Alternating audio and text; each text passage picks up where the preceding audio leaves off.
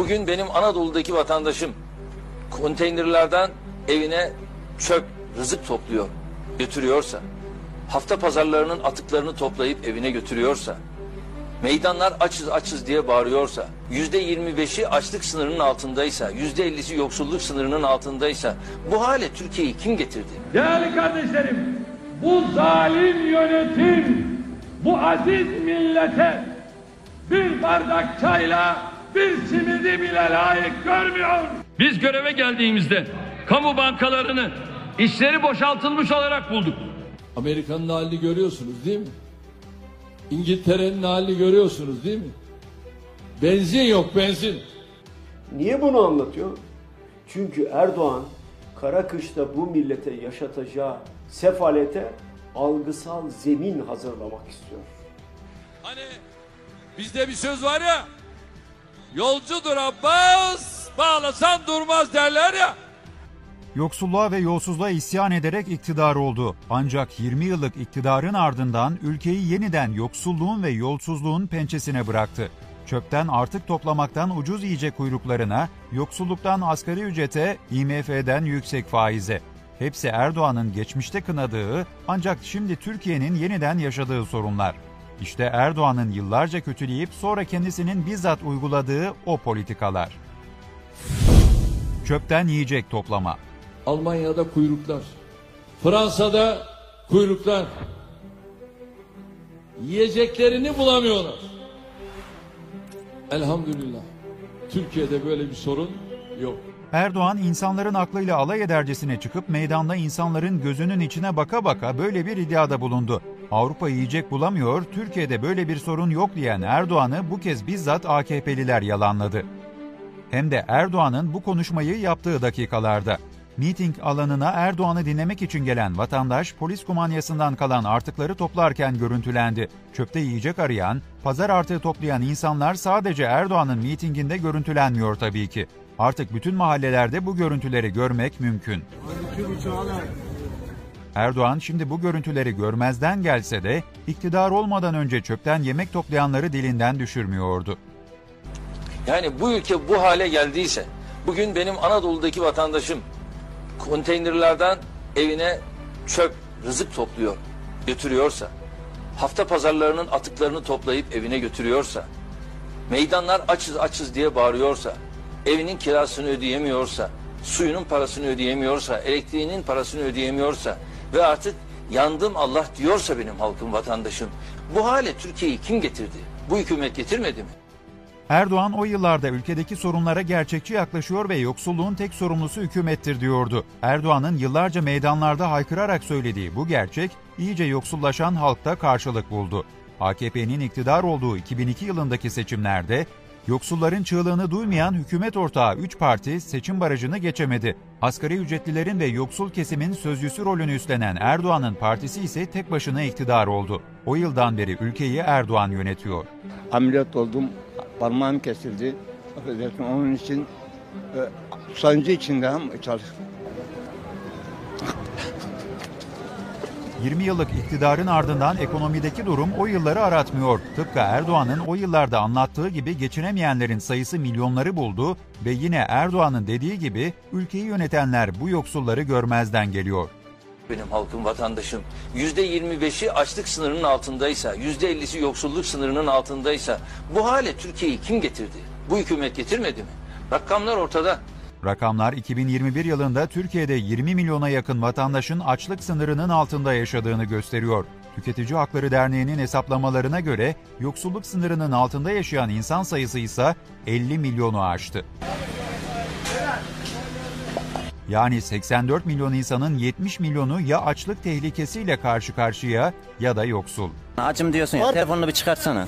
Ya benim ben gerçek bir insanım. Tamam. Telefonum da bu. Erdoğan ekonomimiz şahlanıyor dese de fanatik AKP'liler geçinemiyorum diyen vatandaşları çıkar telefonunu diye azarlasa da artık minare kılıfa sığmıyor.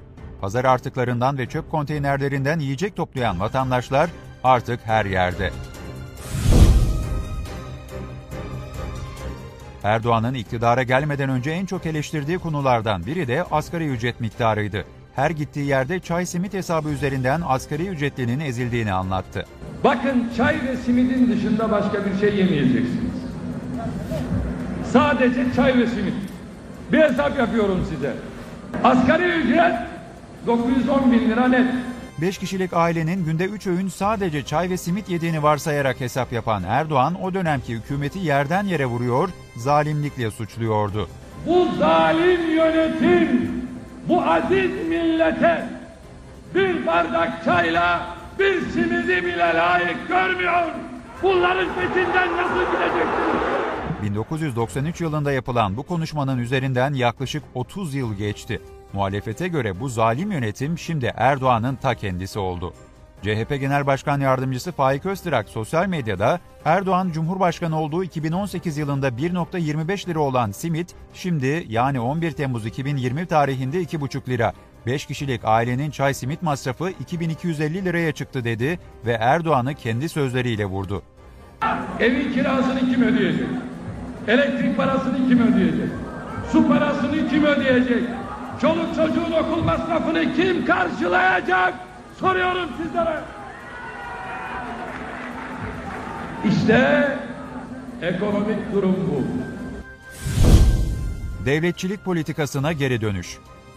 Devlet kağıt mı üretir diye SEKA'yı kapatan, devlet kumaş mı satar diyerek Sümer Bankı ve bazı küresel şirketleri memnun etmek için şeker fabrikalarını satan Erdoğan, 20 yıllık iktidarının ardından fahiş fiyatları düşürmek için devlet eliyle market açacağını söylüyor.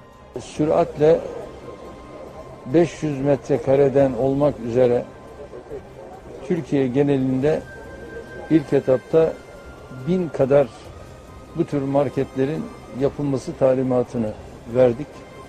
Bunları süratle çoğaltacağız.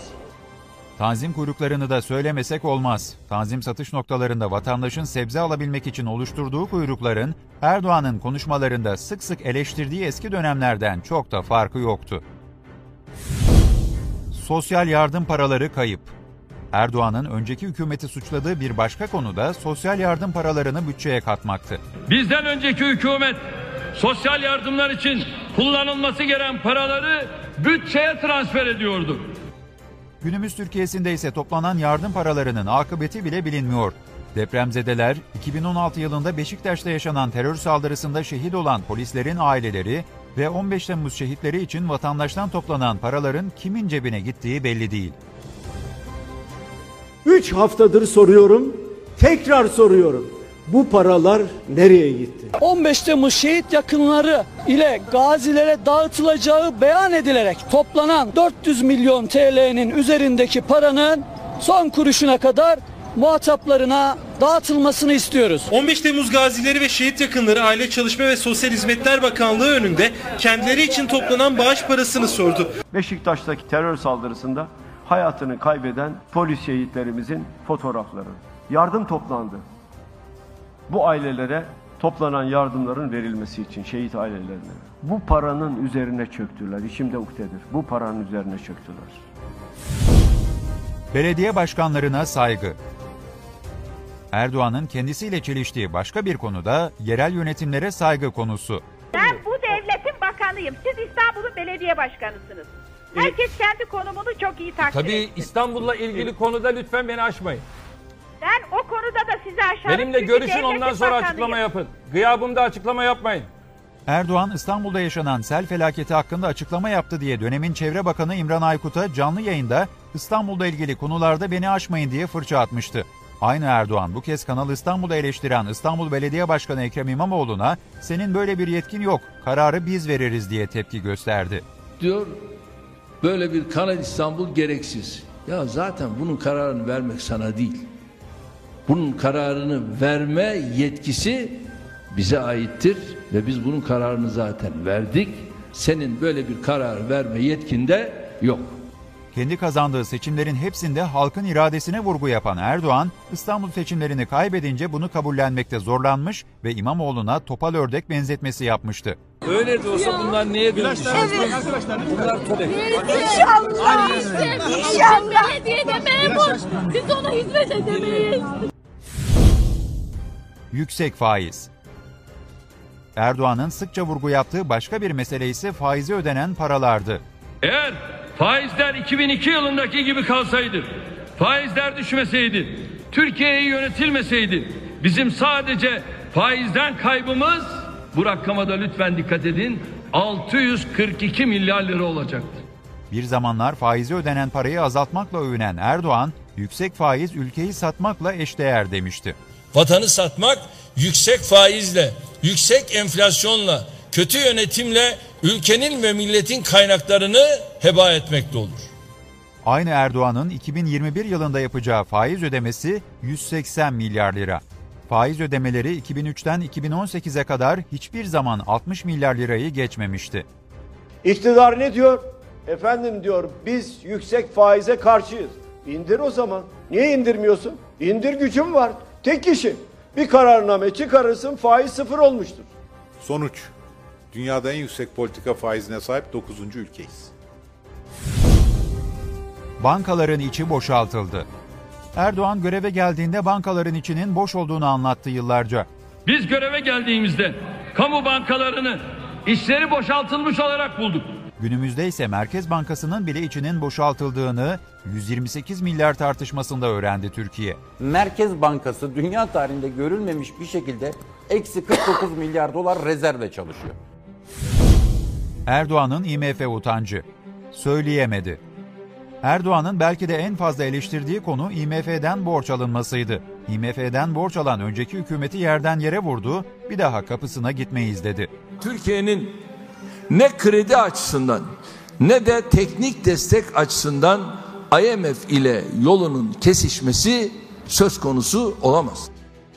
Ancak 2021 Ağustos'unda Erdoğan'ın IMF'den kredi aldığı ortaya çıktı. AKP cenahında yıllardır tekrarlanan IMF karşıtlığı birden kesildi. Ve hükümetin en çok üstünde durduğu konu IMF'den para alınmadığı, borç alınmadığı, kredi alınmadığı, IMF borçlarının ödendiği yönündeydi. Galiba şimdi öyle bir gelişme oldu. IMF söylemi galiba bitti. IMF'den gelen 6.4 milyar dolarlık rezerv artışını Erdoğan IMF'nin adını anmadan duyurmak zorunda kaldı. 20 yıldır bütün siyasetini IMF karşıtlığı üzerine kurmuş olan Sayın Erdoğan ve hükümeti geçtiğimiz günlerde IMF'den 6,3 milyar dolarlık kredi kullanmıştır. Erdoğan'ın çark ettiği politikalar uzayıp gidiyor. Rakamlar ortada. Türkiye'nin durumu Erdoğan'ın iktidar olmadan önceki durumundan daha da kötü hale geldi. Akşam yattın, sabah kalktın, Türk lirası dolar karşısında değer kaybına uğramış. Muhalefete göre Erdoğan kınadıklarını yaşayarak gidiyor. Ne söylediyse, ne vaat ettiyse altında ezildi. Ben şuradan şöyle bir sesleneyim. Ey Kılıçdaroğlu! İstediğin kadar hopla, zıpla, dövün kendini paralar. Hiç önemli değil. Niye bu kadar bu kadar asabiler biliyor musunuz? Abbas Yolcu Yolcu. Abbas Yolcu.